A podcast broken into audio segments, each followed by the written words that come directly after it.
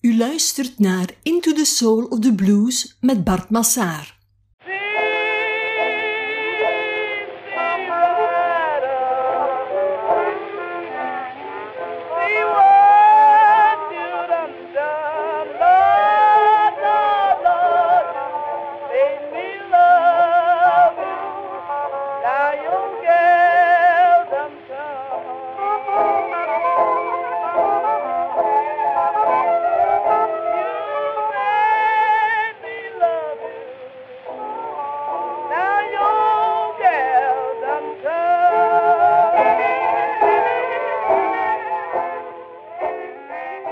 Dag lieve podcastluisteraars. Maak kennis met een aantal straffe madammen. Madammen die in de jaren twintig braken met alle taboes die op dat ogenblik nog overeind stonden. We stappen weg van de traditionele gezinsstructuur en we nemen plaats in de tentshow van een van de meest extravagante bluesdivas die aan het begin van de jaren 20 van de vorige eeuw de girl train op gang trok van de classic female blues.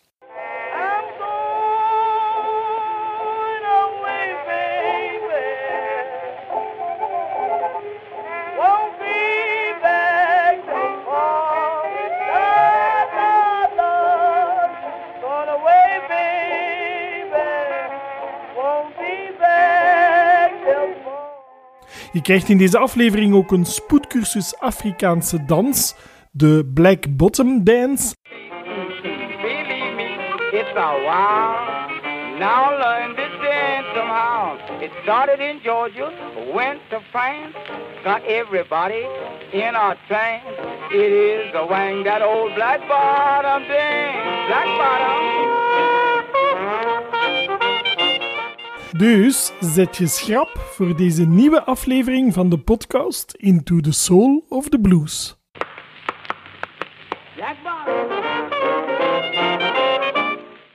En ik ga beginnen met een quizvraagje. Spits je oren, want hier komt het. In welke periode uit de moderne geschiedenis was de zogenaamde seksuele revolutie het sterkst?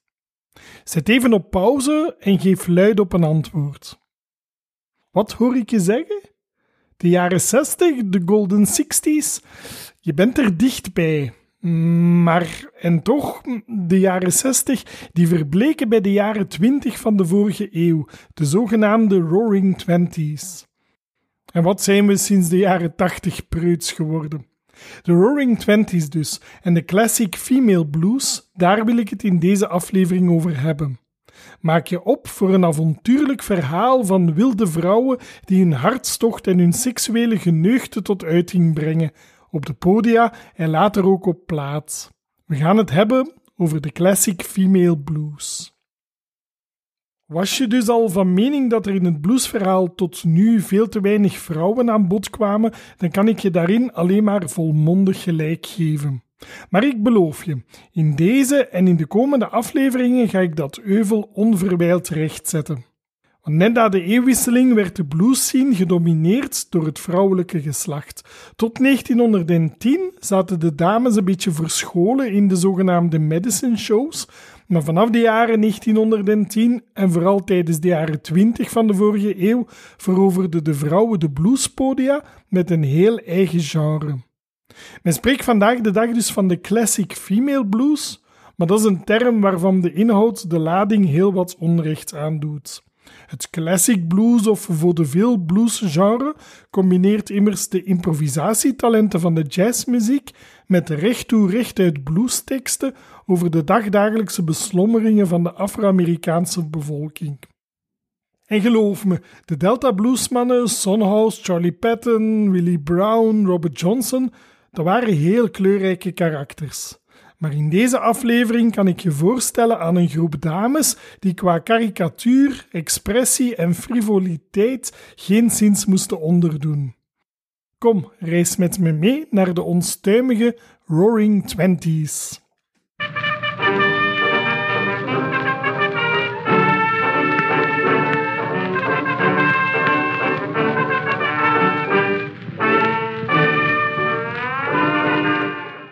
De hobbelige weg van de blues die was in 1914 al een beetje effen getrokken door W.C. Handy die met zijn bewerking van de St. Louis blues vorm en structuur gaf aan de rurale bluesmuziek. Op die manier kwam de blues ook aan de oren van het witte publiek, al was het in een meer verfijnde, meer gearrangeerde en meer afgelikte vorm dan wat we doorgaans met blues associëren. We bevinden ons in de lente van 1917. Europa kreunt onder de gruwelen van de Eerste Wereldoorlog.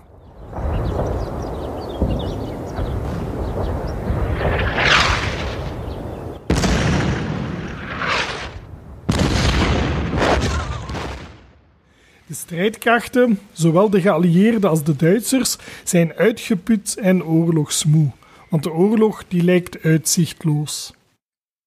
De Verenigde Staten hadden zich tot nu toe afzijdig gehouden, maar ook in het Amerikaanse continent nam in 1917 de spanning toe. De Amerikanen waren al flink misnoegd, want in 1915 was de Lusitiana, een passagiersschip vanuit New York op weg naar Liverpool, door een Duitse onderzeeër tot zinken gebracht. En ondanks het feit dat de Duitsers vooraf hadden gewaarschuwd voor het gevaar, bevonden zich aan boord onder de 1900 passagiers ook 139 Amerikanen. En 128 Amerikanen zouden de ramp niet overleven. Het zal dus niet verwonderen dat het torpederen van de Lusitiana de anti-Duitse gevoelens in Amerika flink deed oplaaien. Bovendien waren de VS woedend over het zogenaamde Zimmerman-telegram. Een telegram waarin Mexico en Japan door Duitsland werden aangemoedigd om de Verenigde Staten aan te vallen. Om die reden verklaarden de Verenigde Staten op 6 april 1917 ook de oorlog aan Duitsland. En die Amerikaanse deelname die zal het keerpunt worden in de oorlog. Het moreel van de geallieerden ging flink omhoog, terwijl de Duitse soldaten steeds minder vertrouwen kregen in de overwinning. En de Duitse reserves raakten op. In augustus 1918 werd voor de Duitse legerleiding duidelijk dat een overwinning niet meer haalbaar was. En een verzoek tot wapenstilstand werd bij de Amerikanen ingediend. Op 11 november 1918 werd deze wapenstilstand afgesloten in een treinwagon van de Compagnie Internationale des Wagons-Lits in een bos nabij het Franse Ritonde. Het einde van een van de meest bloedige conflicten in onze geschiedenis was nabij.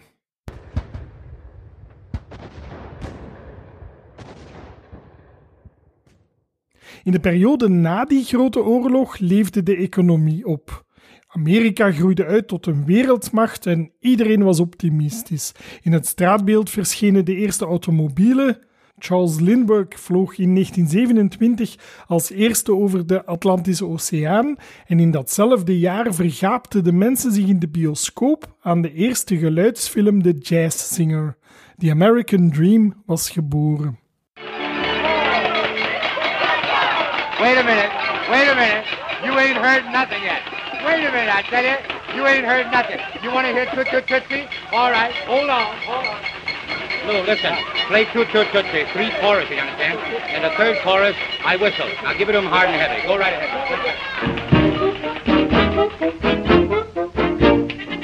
Toot Toot Tootsie, goodbye. Toot Toot Tootsie, don't cry. The little choo-choo train that takes me away from you. You don't know just how sad it makes me. Kiss me pretty and then, ow, ow, do it over again. Watch for the mail, I never fail. If you don't get a letter, then you know I'm in jail. Hey, hey, don't cry, Tootsie, don't cry. Kiss me, Tootsie, goodbye. De wereld veranderde snel en heel wat oude sociale conventies werden overboord gegooid. En omdat de mannen de jaren voordien over zee deelnamen aan de oorlog, kregen de vrouwen meer toegang tot de arbeidsmarkt. En op die manier verstevigden ze hun positie in de maatschappij. De Roaring Twenties staan dus gekend voor de prominente rol die de vrouw speelde in het maatschappelijke leven, en deze seksuele revolutie was voer voor een heel sterk feminisme. Het was in eerste instantie in de showbusiness en in de modewereld dat dit fenomeen tot uiting kwam. De Victoriaanse corsetten werden uitgetrokken, de haren werden kort geknipt en de rokjes gingen omhoog om beter te kunnen dansen. Laten we samen eens kijken naar een typische foto van een vrouw uit de jaren 20.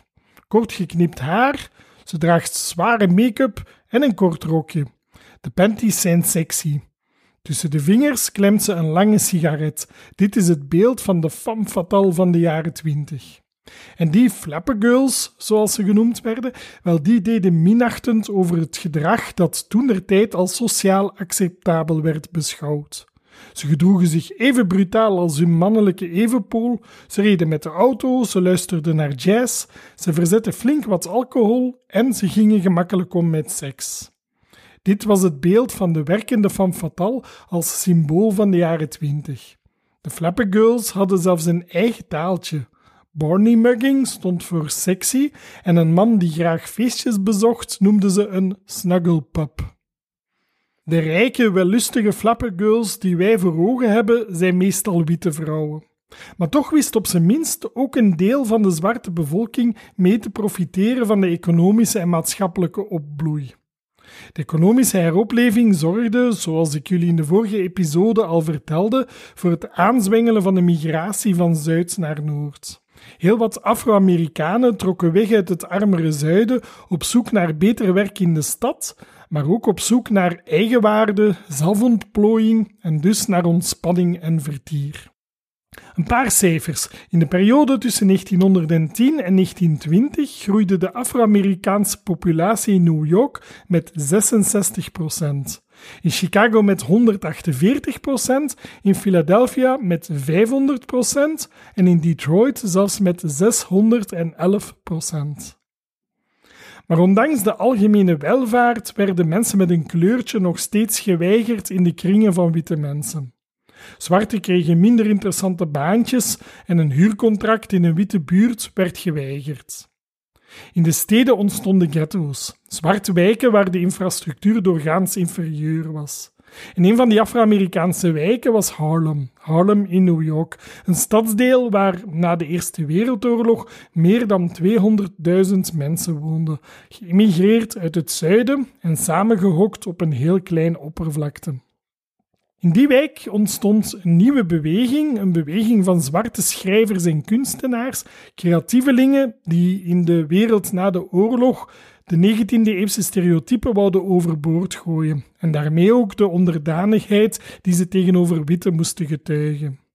De groepering noemde zich de New Negroes en ze groepeerden zich onder de vlag van de Harlem Renaissance.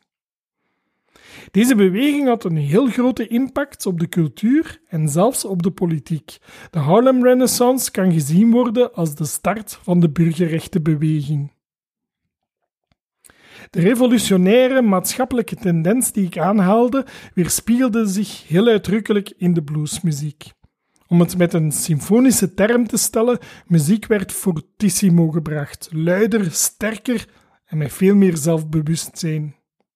Betere opnametechnieken en de groei van het medium radio zorgden voor een brede verspreiding van de blues en tegelijk ook van de baseball, maar dat verhaal ga ik aan een andere podcaster overlaten. En de muziek had op haar beurt weer een belangrijke invloed op de maatschappij. Net als bij de rock en roll in de jaren 50 zette blues en jazz in de jaren 20 de maatschappij compleet op zijn kop. Blues en jazzmuziek waren hip, stimulerend, motiverend en seksueel bevrijdend. De bluesvrouwen hadden een heel ander imago dan de bluesmannen. De mannen waren arm, eenzaam, zwervend en verloren. De vrouwen waren rijk, op het podium van een theater, chic gekleed en omringd door een big band. Maar ze vertelden de waarheid zoals het was, recht uit het hart. De bluesdivas kregen ook koninklijke namen. Ma Rainey was the mother of the blues. Mama Smith was the queen of the blues. Bessie Smith the empress of the blues. Ida Cox the uncrowned queen of the blues. En zo kunnen we nog een eindje doorgaan. Maar het was niet allemaal roze geur en maneschijn. De onderdrukking en het racisme tegenover de zwarte bleef hardnekkig geworteld in de Amerikaanse cultuur.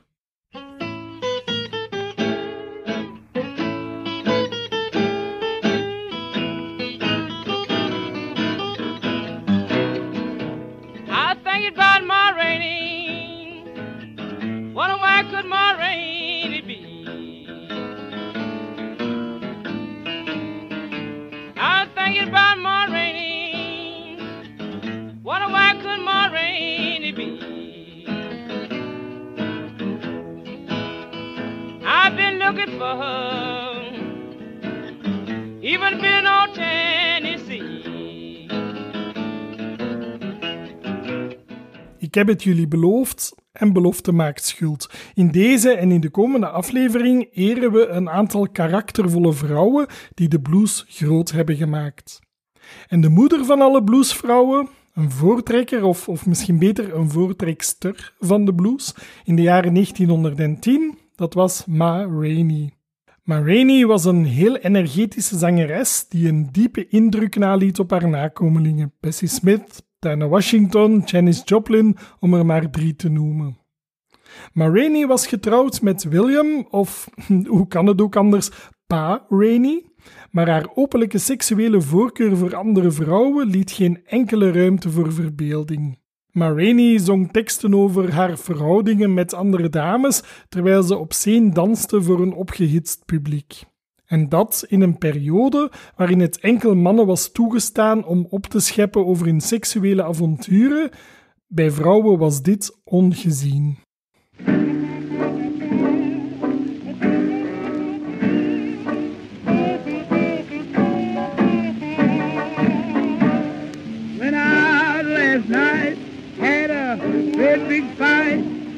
Everything seemed to go wrong. I looked up to my surprise, the gal I with was gone. Where she went, I don't know. I mean to follow everywhere she goes. Folks said I'm crooked. I didn't know where she took it. I want the whole world to know. When I last night had a bad big fight, everything seemed to go wrong. I looked up to my surprise, the gal I was with was gone. Where she went, I don't know. I mean to follow her everywhere she goes. Folks say I'm crooked, I didn't know where she took it. I want the whole world to know. Gertrude Pritchett was de naam die ze bij haar geboorte kreeg. En de ouders van Gertrude maakten allebei deel uit van een minstrel show. Dus het was niet zo verwonderlijk dat Gertrude al op haar veertiende als actrice rondtrok met een tentshow. En ik vertelde vroeger al over die minstrel shows. Shows die in dorpjes en steden hun tenten optrokken om er hun vaak ronduit racistisch programma van slapstick en comedy te presenteren aan het publiek. In die tentshows maakte Gertrude kennis met William Rainey, de man waarmee ze in 1904 huwde. Gertrude werd logischerwijze Ma Rainey en het koppel trok door het zuidoosten van de Verenigde Staten ook met tentshows, circussen en vaudeville-theaters. Onder meer trouwens met het bekende Rabbit's Foot Minstrel Show, waar het koppel voorgesteld werd als blackface song en dance comedians, jubilee singers en cakewalkers. Vanaf 1914 trokken Ma en Pa Rainey door het land als Rainey and Rainey, the Assassinators of the Blues. Maar laat ik je niet op het verkeerde been zetten met die naam. Het duo had geen sinds de intentie om de blues uit te roeien, of toch niet het muziekgenre. Eerder probeerden ze om met hun muziek het bluesgevoel te verdrijven, een gevoel dat meerdere mensen kwelde en dat meerdere mensen vandaag stellig ook nog kwelt. Ma en Pa Rainey waren een heel sterk duo. Ze konden alles aan: komische acts, dans, zang en uiteraard muziek. Ze bouwden samen een hele tentshow op, maar van een relatie, en vooral van een seksuele relatie, was er weinig of geen sprake. Maar Rainey uitte zich openlijk lesbisch, of op zijn minst biseksueel. En nadat in 1916 haar huwelijk eindigde, ging Ma haar eigen weg op. Ma Rainey had een krachtige zang en ze verwierf ook in haar eentje al gauw naam en faam in het zuiden van de Verenigde Staten. En tijdens de zwerftochten die ze maakte, kwam ze in aanraking met de blues. Later zou ze aan folklorist John W. Work vertellen dat ze de blues al eerder leren kennen in 1902, dankzij een meisje dat in Missouri tijdens een tentshow een aangrijpend lied had gezongen over een man die haar had verlaten. Ik citeer de woorden die John Work neerschreef in het tijdschrift American Negro Songs. A girl from town came to the tent one morning and began to sing about the man who had left her. The song was so strange and poignant that it attracted much attention. Moraine became so interested that she learned the song from the visitor and used it soon afterwards in her act as an encore.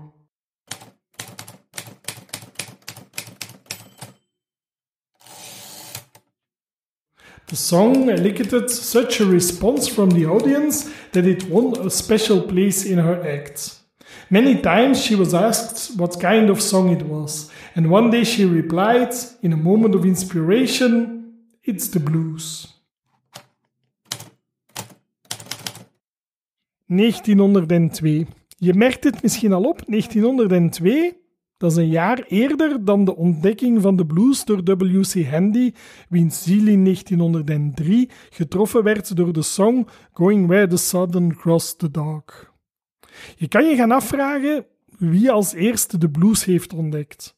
Maar goed, ik denk dat die vraag irrelevant is. We spreken immers over een periode dat er nog geen opnames bestonden. Hou dat in achterhoofd. Dus het lijkt logisch dat zowat iedereen vroeg of laat op toevallige wijze in aanraking moest komen met de blues op het platteland. De tentshows van Ma Rainey waren ongetwijfeld indrukwekkend. De dichter Sterling Brown, een meester in de Afro-Amerikaanse volksliteratuur, beschreef hoe het eraan toe ging als Ma langskwam. Ma. When Ma comes to town, folks from any place miles around, from Cape Girardeau, Poplar Bluff, flocks in to hear Ma do her stuff. Comes flivering in or riding mules or packed in trains, picnicking fools. That's what it's like for miles on down to New Orleans, Delta, and Mobile town when Ma hits anywheres around. They comes to hear Ma Rainey from the little river settlements from black bottom cornrows and from lumber camps. They stumble in the hall, just a laughing and a cackling, cheering like roaring water, like wind in river swamps.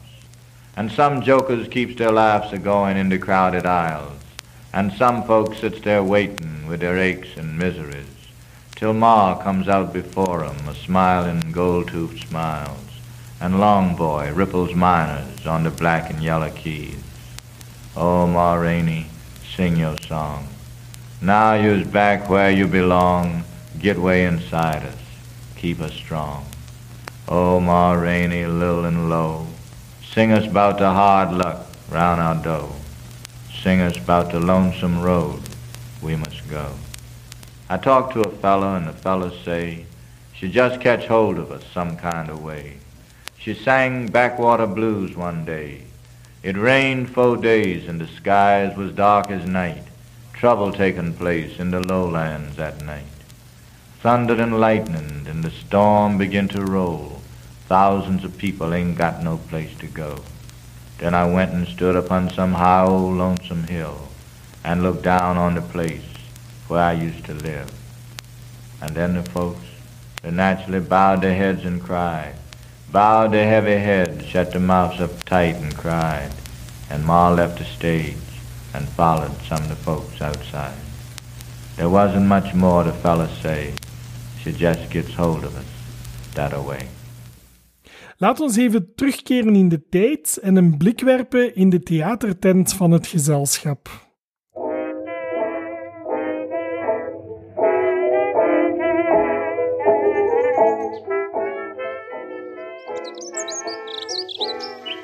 We bevinden ons in de lente van 1917, in een stadje in het zuiden van de Verenigde Staten. Het nieuws van de komst van Ma Rainey doet al een heel tijdje de ronde en van overal kwamen de mensen toegestroomd. Binnengevlogen uit de kleinere dorpjes en de grotere steden, van mijlenver stroomt het volk toe. Een tocht op de rug van een muilezel, in een kar getrokken door paarden of in de volgepakte terreinen. Met de picknick onder de arm, iedereen wil erbij zijn. De mensen zijn uitgelaten, nieuws en roddeltjes worden uitgewisseld, ze zijn door het dolle heen. En na een tijdje ongeduldig wachten aan de ingang van de tent gaat het zeil open. De mensenmeute stroomt binnen en mag plaatsnemen. Pas op, de witte mensen links van het podium, mensen met een kleurtje rechts. En na enige tijd gestommel en gevriemel, geroezemoes en zenuwachtig geschuifel opent het doek van het theater. One, a two. Y'all know what to do.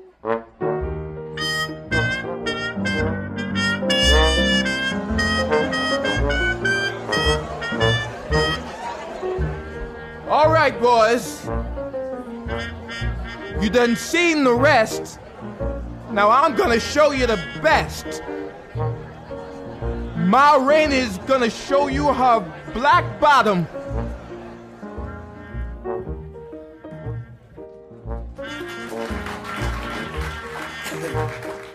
Je voelt bij het publiek de opwinding stijgen. En daar stapt Ma Rainey uit de coulissen. Iedereen gaat op het puntje van zijn bank zitten bij het zien van die flamboyante dame. Iedereen is halsreikend, met het hoofd gestrekt en de oren gescherpt om de bluesdiva goed te kunnen observeren. Ma Rainey is niet groot van gestalte, maar ze maakt een heel zelfzekere indruk. Haar haar ligt in een wilde koepel, ze is zwaar geschminkt, getooid met veren, gehuld in een duur ogende jurk met franjes en beladen met blinkende juwelen. Cher en Lady Gaga zouden verbleken bij deze présence. Aan elke vinger van haar een ring. Er lijken wel vuurdruppeltjes neer te vallen van haar hand. En met de ene hand zwaait ze met een struisvogelpluim, met de andere hand ontklemt ze een revolver. En het meest opmerkelijke, Rond haar hals, tot diep in haar decolleté, blinkt een ketting met gouden muntstukken, duurogende schijfjes van verschillende maten en gewichten.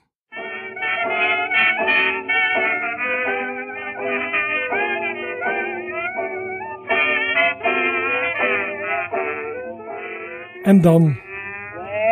Of flowers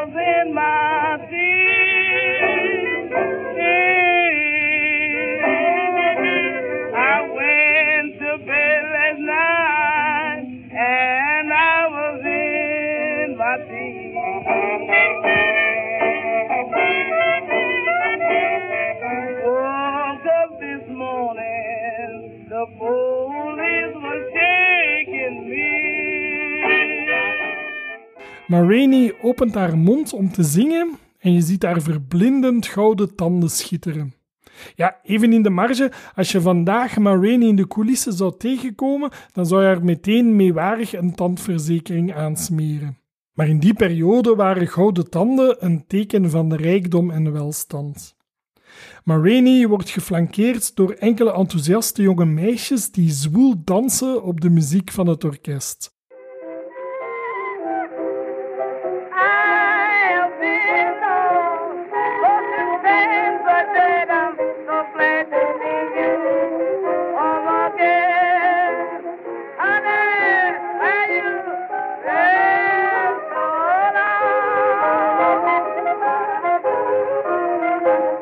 Die krachtige, kreunende stem. En Ma Rainey die vulgaire bewegingen maakt met haar indrukwekkende lichaam. En waardoor we haar zingen? Downtown.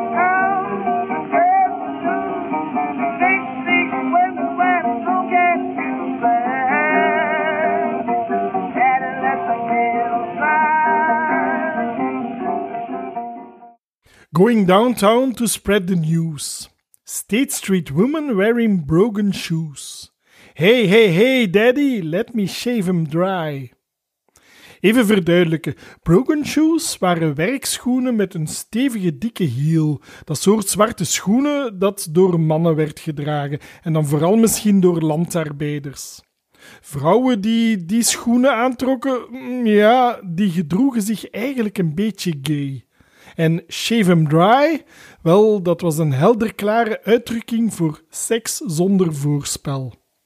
Maar Rainey verkondigt hier dus het nieuws dat ze stevige seks zal hebben met als mannen geklede vrouwen. En hoor ik daar niet nog meer vuilbekkerij?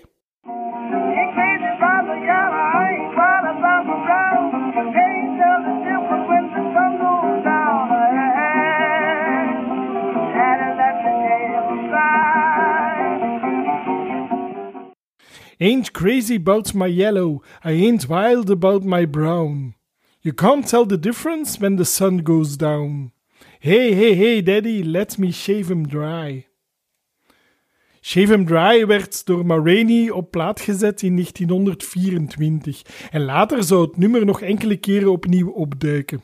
Maar dat hou ik als verrassing, want in de volgende aflevering van deze podcast ga ik meer aandacht besteden aan deze zogenaamde Dirty Blues of Hokum Blues. Maar laten we terugkeren naar de tot de nok gevulde tent daar in het zuiden van de Verenigde Staten, de plek waar Ma op het podium alle aandacht naar zich toetrekt.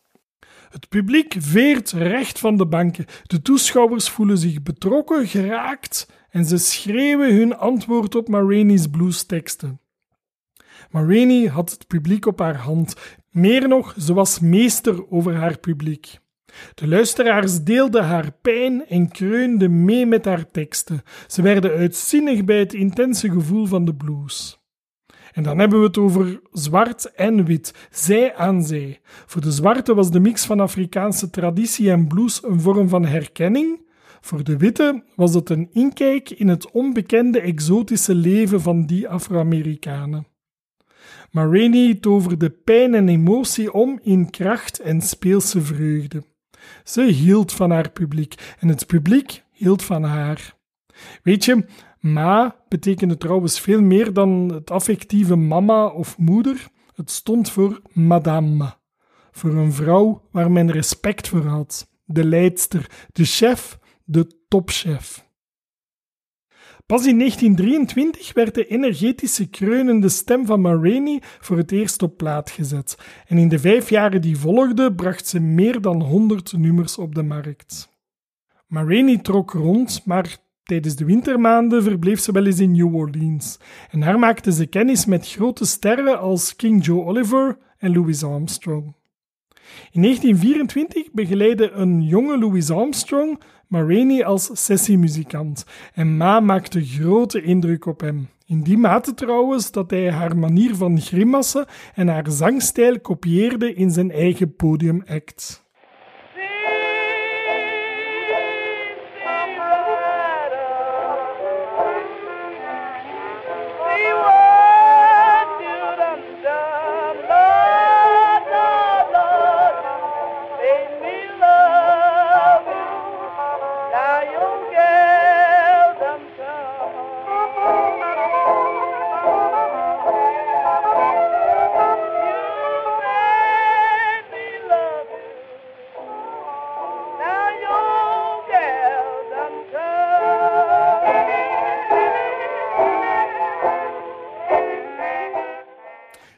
CC Rider die vraagt om een beetje meer uitleg.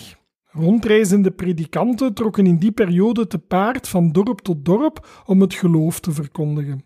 En het gebied waarvoor ze verantwoordelijk waren werd het Preaching Circuit en de predikant kreeg de naam Country Circuit Preacher, CC dus, van Country Circuit.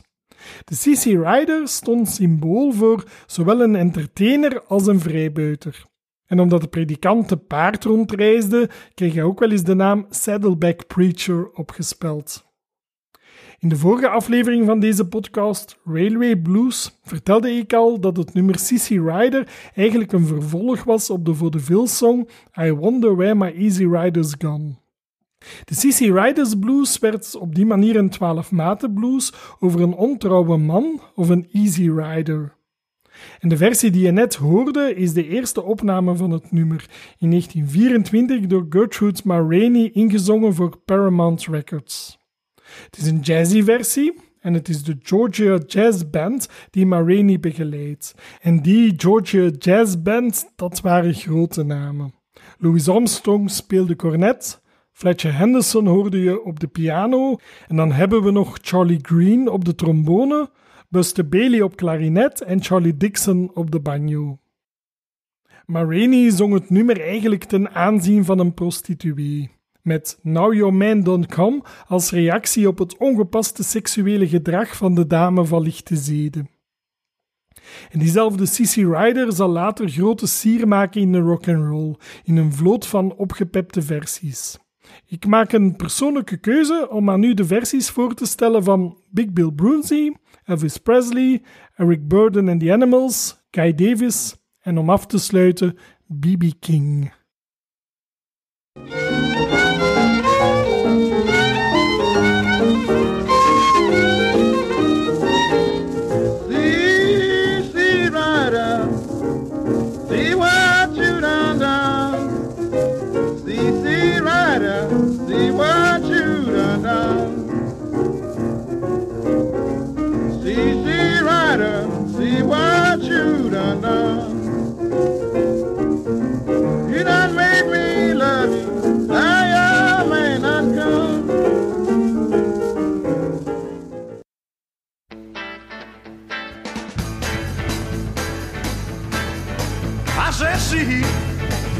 See, rider. Oh, see what you have done. I said, see, see, see, rider. Oh, see what you have done. Oh, girl, you made me love you. No, no, no, your loving man has gone. Well, what I say? Well, I'm going away, baby, and I won't be back till fall. And I'm going away, baby. And I won't be back till fall. Well, if I find me a good girl, I wanna, wanna, wanna be back at all. Hear what I say?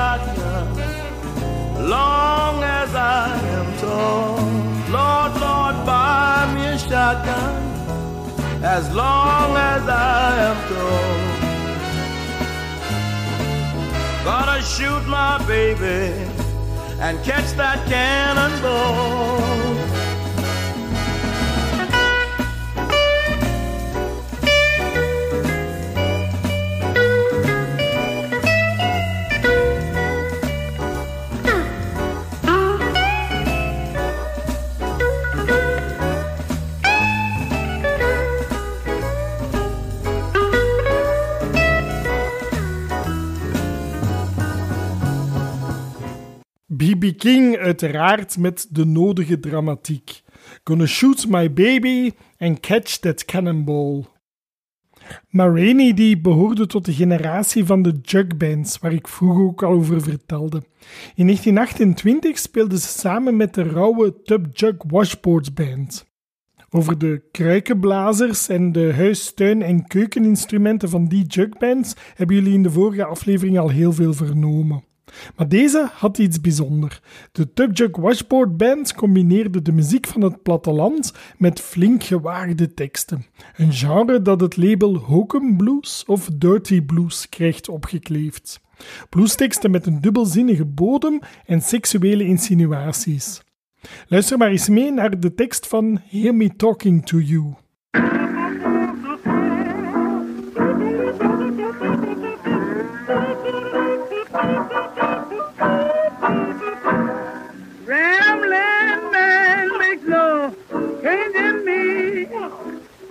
I'm gonna back to my used to be. Ah, you hear me talking to you. I don't bite my tongue. You want to be my man, you got to fetch the winter when you love. Even Adam in the garden took the chance. Adam didn't take time to get his. Ah, you hear me talking to you. Don't bite my tongue. You want to be my man, you got to fetch the winter when you come. Ramblin' Man makes no change in me. I'm gonna ramble back to my used to be. Hear me talking to you, I don't bite my tongue. You want to be my man, you got to fetch it when you come. Even Adam in the garden taking a chance, Adam didn't take time to get his pants. Hear me talking to you, I don't bite my tongue. You want to be my man, you got to fetch it with you when you come. En hier is nog eentje, het rebelse Prove It On Me Blues. Day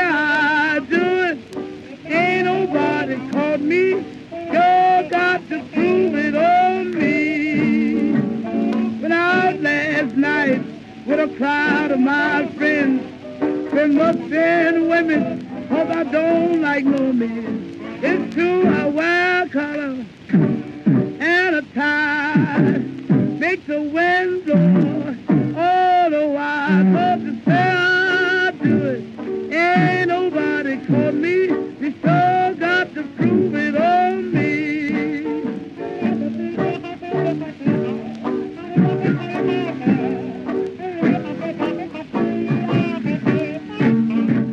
Prove It On Me Blues uit Marini openlijk haar seksuele voorkeur voor vrouwen.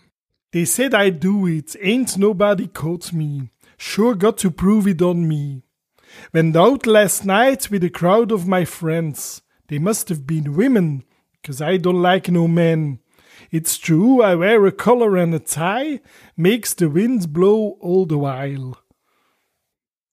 Nummer werd uitgebracht in 1928 en drie jaar eerder was Marini door de politie betrapt in haar eigen huis terwijl ze deelnam aan een wilde orgie. De buren hadden geklaagd over nachtlawaai, de politie arriveerde en de verhitte dames vluchtten weg langs de achterdeur. Maar Marini zocht een uitweg langs de trap en ze werd gearresteerd. Het was een van haar getrouwe volgelingen, Bessie Smith, die Marini vrijkocht op borg. Over Bessie Smith kan ik trouwens heel wat gelijkaardige verhalen vertellen, maar die ga ik sparen voor de volgende aflevering. Paramount Records voerde trouwens een heel opmerkelijke promotiecampagne voor het nummer Prove It On Me Blues.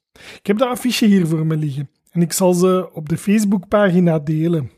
Marini staat hier afgebeeld op het hoekje van de straat, een stevige dame gehuld in een maatspak met vest en das, het soort pak dat je toch eerder bij mannen zou associëren. Ook het hoedje van Marini oogt mannelijk, terwijl de bluesdiva geflankeerd wordt door twee slanke dames. En achter het hoekje loert een politieman. Onder de afbeelding staat de volgende tekst. What's all this? Scandal? Maybe so, but you wouldn't have told it of Marini. But look at that cop watching her. What does it all mean? But Ma just sings Prove It On Me. Alleszins, met Prove It On Me Blues was Marini de pionier van de LGBTQ-beweging en ze baande de weg voor de lesbische beweging die in de jaren 70 uit de kast kwam. Je moet het maar doen als zwarte vrouw in het gesegregeerde Amerika van de jaren 20. Folks said I'm crooked. I want the whole world to know. Ain't nobody caught me. You got to prove it on me. U luistert naar Into the Soul of the Blues met Bart Massaar. In het genre van de zinspelende hokum blues moet ik trouwens nog twee heren vernoemen: Georgia Tom en Tampa Red. Het waren allebei begeleidende muzikanten van Ma Rainey. Bij haar hebben ze de mosterd gehaald. Georgia Tom Dorsey speelde piano en Tampa Red de slidegitaar. Georgia Thomas Dorsey ontwikkelde zijn pianoskills als ragtime-artiest op rentparties en in de barrel houses van de bordelen in Atlanta. In 1919 trok hij naar Chicago, waar hij zich ontpopte tot bluescomponist en frontman van de Wildcats Jazz Band.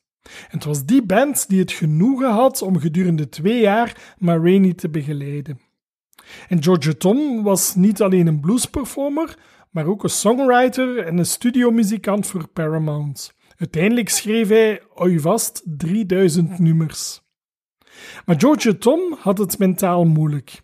Hij kwam uit een diepgelovig gezin en hij voelde zich niet zo lekker in het leven van de bluesartiest. En op een dag zag hij het licht. Of om het met zijn eigen woorden te zeggen, tijdens een misviering kwam een dominee voor hem staan en plots trok de man een levende slang uit zijn keel.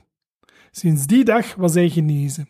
Hij richtte zich tot de kerk waar hij de blues zou gebruiken om een godsdienstige boodschap te verspreiden. Hij veranderde zijn naam in Tom Dorsey en hij wijzigde de stijl en de inhoud van zijn bluesliedjes. Luister maar. Standing by the bedside of a neighbor who was just about to cross the swelling tide. And I asked him if he would do me a favor. Kindly take this message to the other side. If you see my Savior, tell him that you saw me, that you saw me. When you saw me, I was on my way. I was on my way. You may meet some old friend who may ask you for me, ask you for me. Tell them I am coming home someday. Coming home someday. If you see my savior, tell him that you saw me. Maar helaas, George Tom had de neiging om tijdens zijn performance, naar goede Afro-Amerikaanse gewoonte, in de handen te klappen, met de voeten te stampen en te improviseren op de tekst. En die muzikale vrijheid, die werd door de kerkelijke gemeenschap nog niet geapprecieerd. Bovendien waren zijn gospelsongs te bluesy, ook daar had de kerk bezwaren tegen.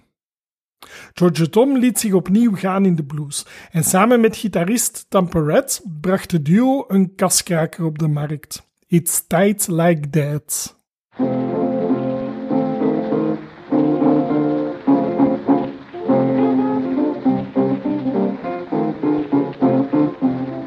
There, folks, one thing, a little song. Don't get mad, don't mean no harm. You know it's tight like that. Beat it up on boy, tight like that. Beat it up on, ooh, you got me talking to you. I mean it tight like that. There was a little black goose that met a little brown hen. Made a date at the barn about half past ten. You know it's tight like that. Beat it up on boy, tight like that. Beat it up on, ooh, you got me talking to you. I mean it tight like that. I went to see my gal over across the hall.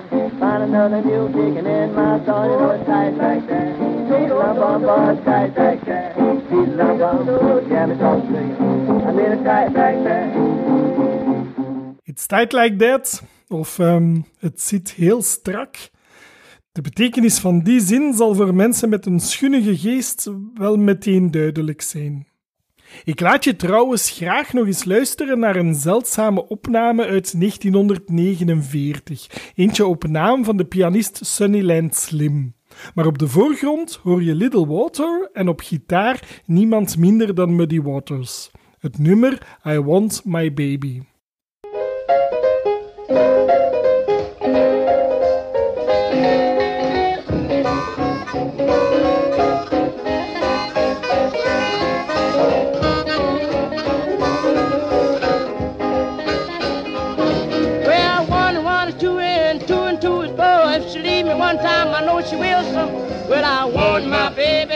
Want my baby. Well, I want my baby. Well, I want my baby. Well, I want my baby right here beside of me.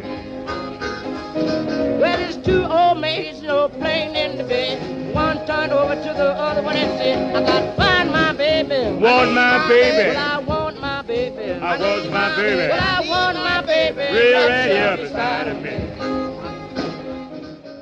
En ja, je hebt het goed opgemerkt. Dit nummer is een herwerking van Georgia Tom's hit It's Tight Like That. Georgia Tom en Tamperette verenigden zich tot de Famous Hokum Boys en samen gooiden ze nog een zestigtal gelijkaardige songs op de markt. Georgia Tom stond met één been in de rauwe blues en met een ander been bleef hij steunen op de kerkgemeenschap. Zijn nummer If You See My Savior bleef scoren en wanneer hij tijd vond tussen de optredens door met Tamperette, stichtte hij een gospelkoor. En dat koor liet hij zingen, maar ook dansen, stampen en klappen, gillen en schreeuwen. Daar, in Chicago, ergens in 1932, hield Georgia Tom de gospel boven het doopvond. De gospel zoals we die vandaag nog kennen. Maar datzelfde jaar sloeg ook het noodlot toe. Zijn vrouw stierf op het kraambed en een etmaal later stierf ook zijn pasgeboren zoon. Die pijn en het verdriet zetten hem aan het schrijven. En Georgia Tom schreef zijn meest bekende gospelsong. Precious Lord, take my hand.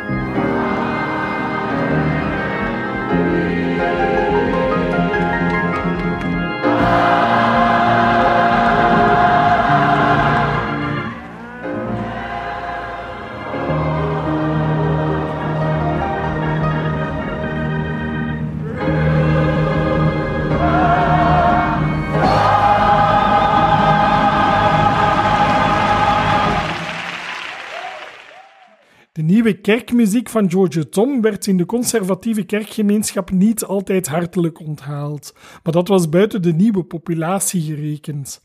Door de migratiestroom uit het zuiden arriveerden in de stad immers heel veel Afro-Amerikanen van het platteland, mensen die zich wel comfortabel voelden bij de meer bluesy muziek die in de kerk nu gespeeld werd.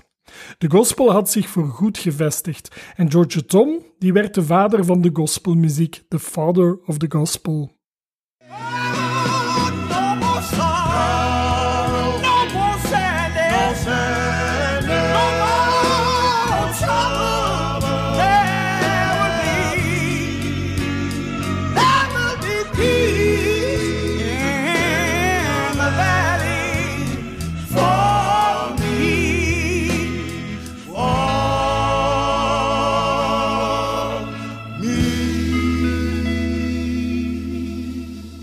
in the Valley van Georgia Tom.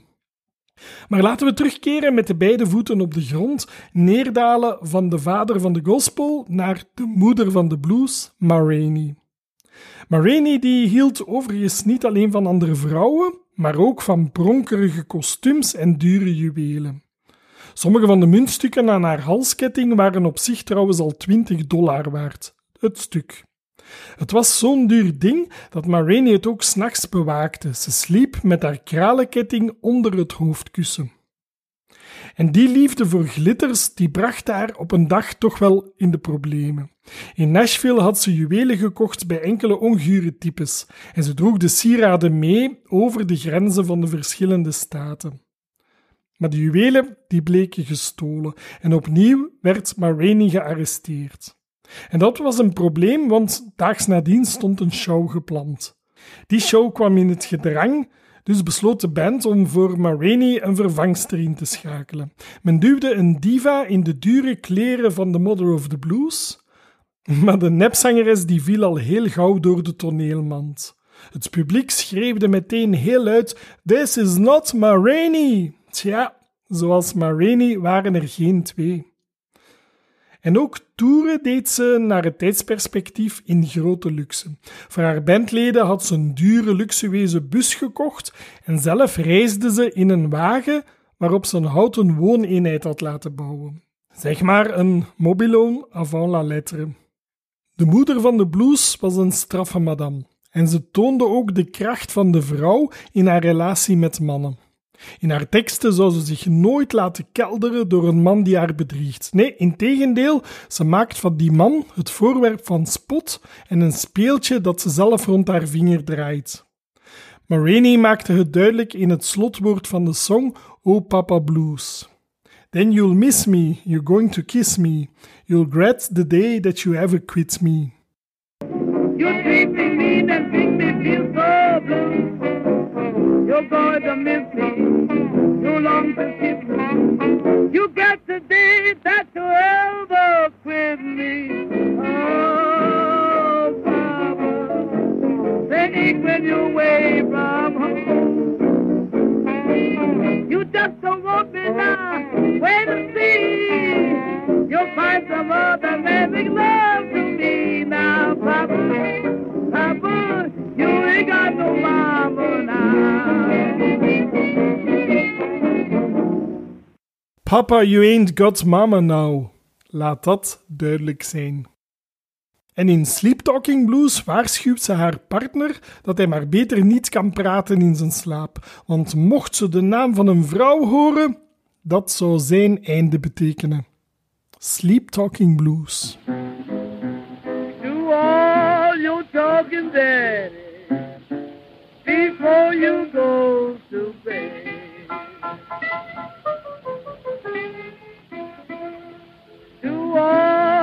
Talking, Daddy, before you go to bed. If you speak out of turn, your friend will help you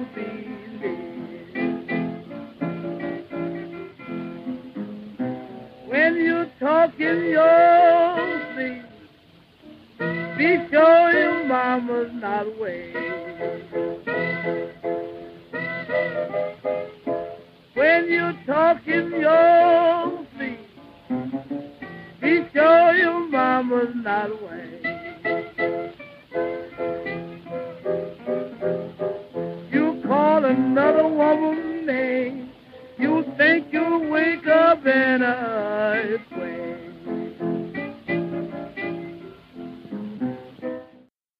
Een straffe madame met dure juwelen, stinkend rijk en een publiek dat haar op de handen droeg.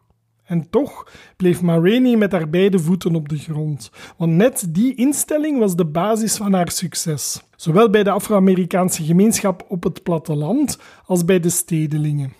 Marini werd dus de eerste echte schakel tussen de plattelandsblues en de stad.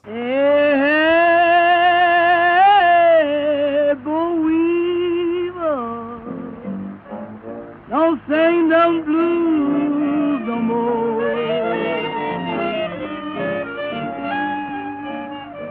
Hey, believer, don't sing them blues no more.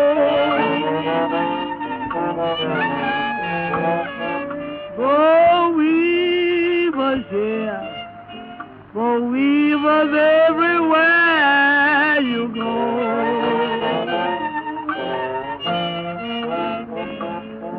I'm a lone believer, been out a great long time. I'm a lone believer, been out a great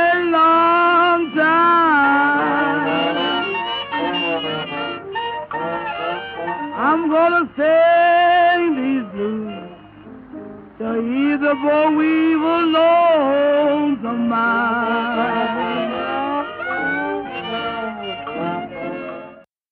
Je hoorde nog een fragmentje uit Boweevil Blues. De Boweevil was een kever die de katoenplantages helemaal opvrat en zo voor economische schade zorgde in de jaren 20. De opnames die Paramount Records maakte, die stonden doorgaans niet echt gekend om hun beste kwaliteit. En daardoor kwam de krachtige stem, het diepe monen en het kreunen van Ma Rainey op de plaat eigenlijk nooit echt tot zijn recht.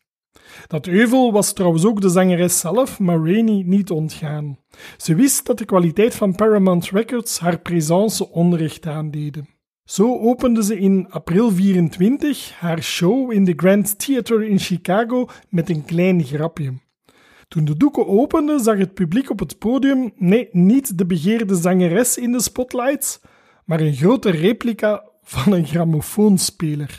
Uit de coulissen kwam dan een meisje gestapt die een grote plaat oplegde, waarna vanuit het decor de band van Marini Moonshine Blues begon te spelen. Marini die zat zelf verstopt in die nep grammofoonspeler en van daaruit zong ze enkele strofes, alvorens onder luid applaus tevoorschijn te komen. Het publiek werd wild. Moonshine Blues.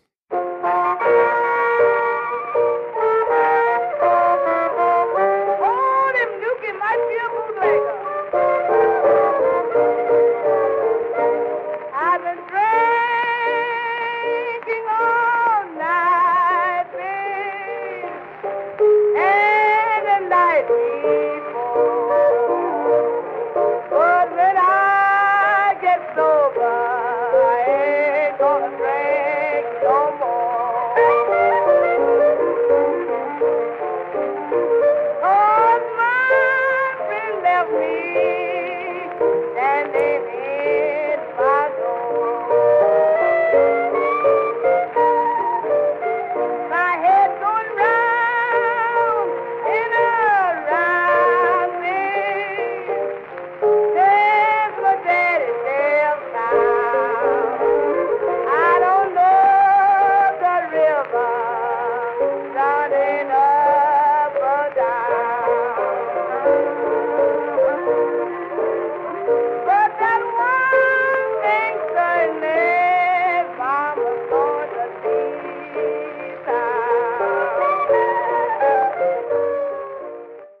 been drinking all night, baby, and the night before. But when I get sober, I ain't gonna drink no more. Cause my friend left me standing in my door. My head's going round and round, baby, since my daddy left town. I don't know if the river's running up or down. But there's one thing certain it's mama's going to leave town. Marini verwierf terecht de titel van Mother of the Blues, terwijl Paramount haar ook promote als Songbird of the South, The Gold's Neck Woman of the Blues en de Paramount Wildcats.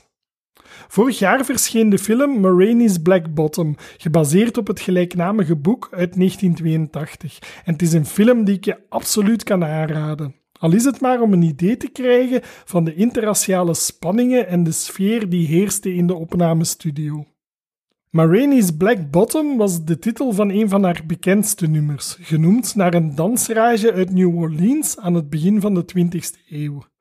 De Black Bottom suggereert het achterwerk van Ma Rainey, maar eigenlijk was het de naam van een zwarte wijk in de stad Detroit.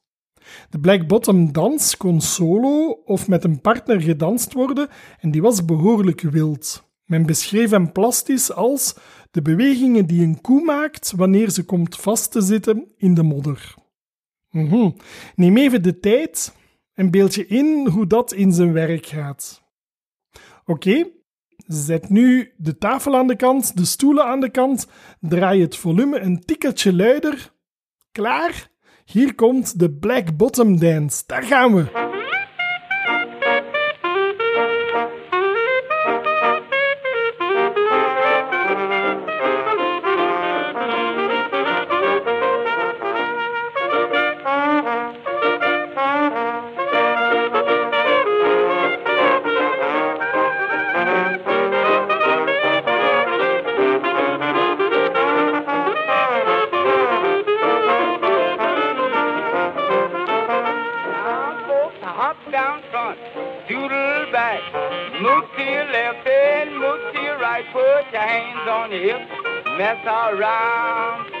A leg until you're near the ground.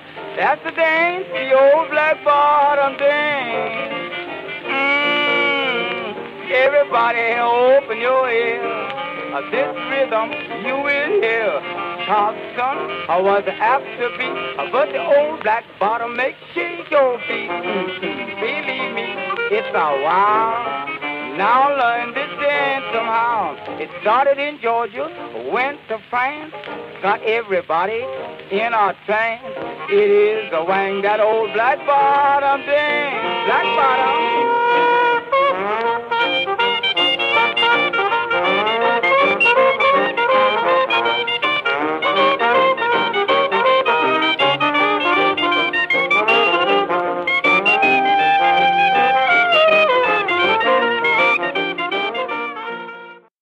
Toen in 1919 die dans heel populair was, brachten de componisten Gus Horsley en Perry Bradford deze officiële tune bij de dans uit, The Original Black Bottom Dance. Heb je goed naar de instructies geluisterd? Top, je bent geslaagd voor een auditie als backing van Ma Rainey. Now show you my black bottom. Wait till you see that dance. Wait until you see me do my big black bottom. Then put you in a trance. Oh, do it, Ma. Do it, honey. Look out now, Ma. You're getting kind of rough there. You better be yourself now. Careful now. Not too strong. Not too strong, Ma. I done showed you my black bottom. You learn that dance.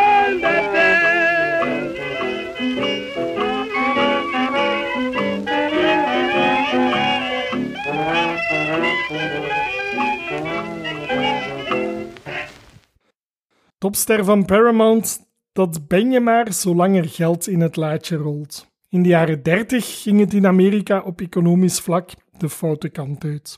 Voor zwarte blues was er geen geld meer en Paramount zette de Mother of the Blues opzij.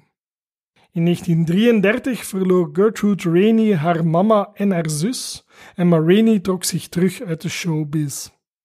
Maar in tegenstelling tot de andere blues queens uit dezelfde periode had Ma Rainey wel flink wat gespaard en ze kon zich veroorloven om verder in luxe te leven. Ze bleef ook actief als zakenvrouw, ze werd manager van meerdere theaters en met een groot hart gaf ze heel veel geld uit aan sociale projecten, zoals de broodnodige hulp voor de slachtoffers van de overstromingen. Maar in 1939 op 53-jarige leeftijd doofde het vuur in haar hart en haar ziel. Ma Rainey overleed op 22 december aan een hartaanval. In haar grafsteen staat de titel gebeiteld Mother of the Blues. Als eerbetoon aan de pionier, de madame, de eerste bluesdiva en de moeder van de klassieke female blues, maakte Memphis Minnie in 1940 het nummer Ma Rainey.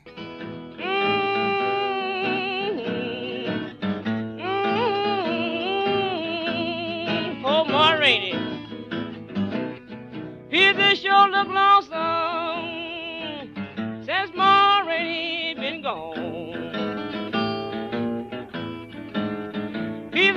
Look lonesome since Ma Rainey been gone. But she left little Mitty to carry the good works on.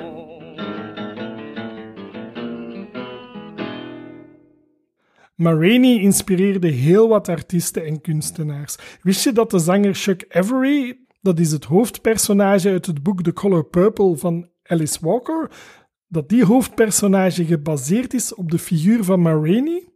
Het boek werd in 1985 verfilmd door Steven Spielberg. The Color Purple. An American story for the whole world. It's about life. It's about love. It's about us. You will always remember,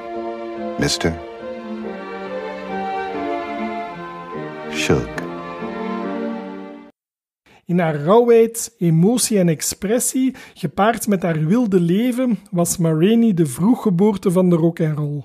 En dat is waar deze podcast ons verder naartoe zal leiden. Ma Rainey was de pionier van wat men later de classic female blues is gaan noemen, en heel wat andere bluesdivas hebben haar sleep gedragen. De sneltrein kwam pas echt op gang toen ook de platenbazen interesse kregen in de zogenaamde race records of muziek gebracht door artiesten met een andere huidskleur. Aan het begin van de 20e eeuw werd de blues, nogthans van oorsprong Afro-Amerikaans, in de theaterzalen enkel vertolkt door witte vaudeville-zangeressen en dansorkesten. En ook de eerste platenopnames stonden op naam van witte zangers en zangeressen, artiesten die vaak hun carrière hadden opgebouwd in de minstrel shows als blackface-karikatuur.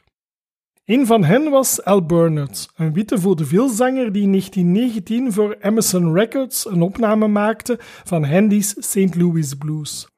En in datzelfde jaar maakte hij een opname van Hesitation Blues, een song waarvan heel wat artiesten claimden dat zij het gecomponeerd hadden. Maar eigenlijk is het gewoon een traditional uit de jugband cultuur.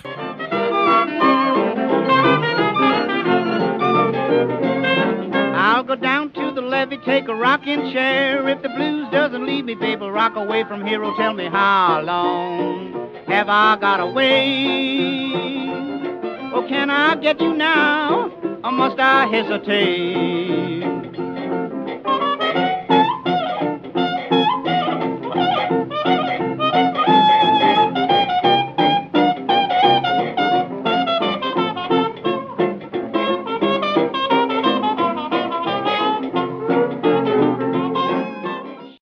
En de witte jazz- en blueszangeres Marion Harris kon zich zo goed inleven in de blues dat heel wat luisteraars van mening waren dat Marion Harris van Afro-Amerikaanse origine was. Everybody's crazy about the doggone blues, but I'm happy. Oh, so happy. Everybody's crazy, but if I must choose, no doggone blues for mine. I get plenty to eat. Don't have to hurry. I'm not afraid. My rent is paid. And I can sleep at 94 in the shade. Everybody's singing a lot of bad old news, but I'm happy. Oh,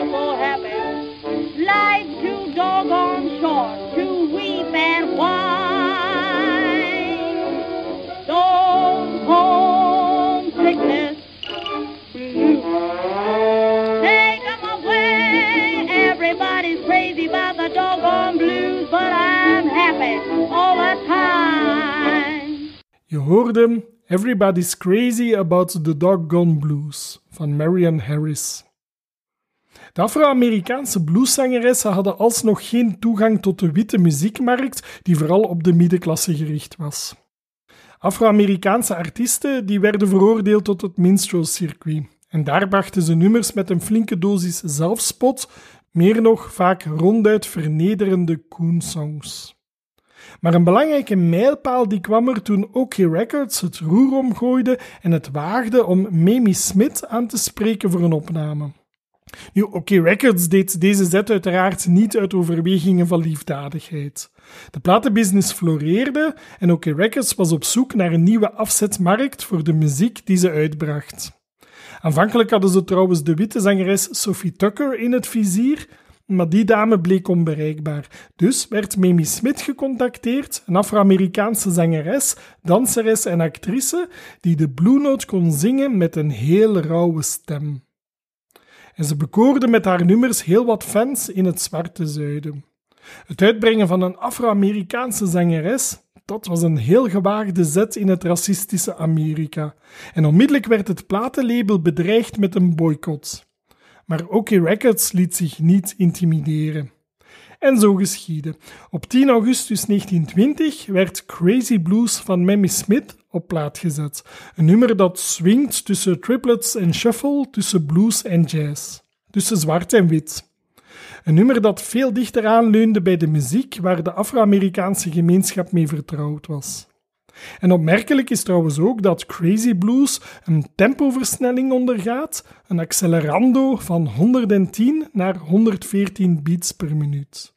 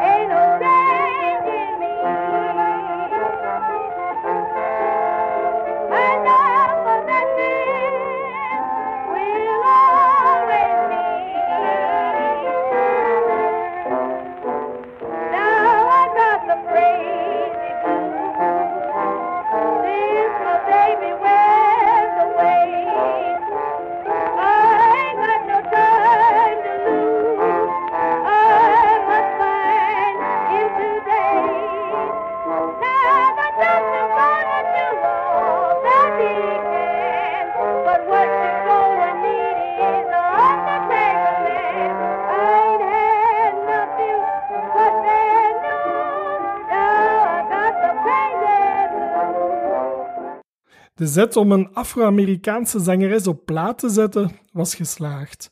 In minder dan zes maanden tijd werd van het plaatje meer dan een miljoen kopieën verkocht. Met haar opname zorgde Mamie Smith dus voor een forse stijging in de verkoop van de zogenaamde race records. Dat was een subgenre waaronder de platenindustrie de van oorsprong Afro-Amerikaanse, maar ook Native American en andere volksmuziek groepeerde. Mamie Smith had met de Crazy Blues de snelheid van de classic female blues op gang gezet en met haar prestatie verwierf ze de titel Queen of the Blues. Mamie Smith had in februari 1920 trouwens al twee nummers opgenomen voor OK Records, That Thing Called Love en You Can't Keep a Good Man Down. Maar Crazy Blues was de kaskaker. In 1929 was Mamie Smith ook te bewonderen in de film Jailhouse Blues. Oh, I know.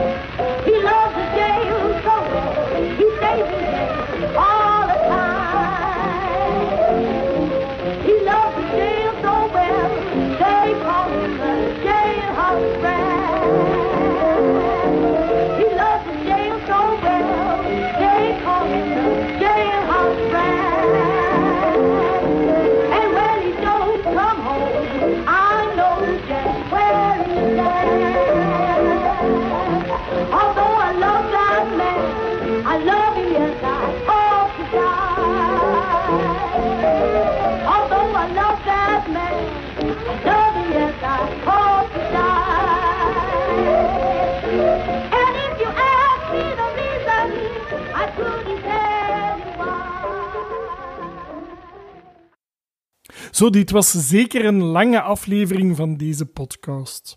Bedankt dat je tot het einde geluisterd hebt en weet dat je terecht kan op de Instagram-pagina, Facebook-pagina of Twitter-pagina van Into the Soul of the Blues. En weet je, het zou ook leuk zijn mocht je in de Apple Podcast vijf sterretjes geven en een goede review achterlaten. Dat trekt andere bluesmensen aan om deze podcast te beluisteren. Dankjewel, tot volgende keer. Dit was een aflevering van Into the Soul of the Blues met Bart Massaar.